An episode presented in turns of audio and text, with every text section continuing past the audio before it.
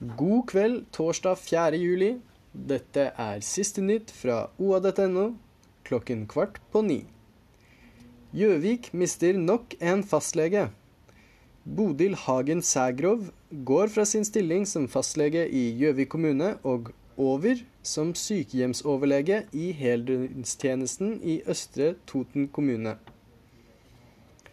En bil og en traktor kolliderte i ettermiddag på fv. 33 et par kilometer fra Odnes.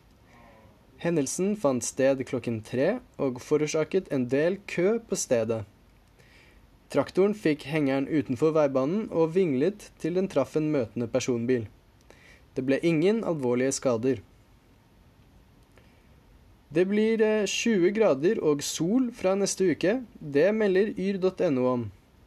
Etter en kald helg med temperaturen helt ned på 12 grader lørdag, vil målerne stige helt opp til 23 grader, og det blir forholdsvis mye sol i Vest-Oppland.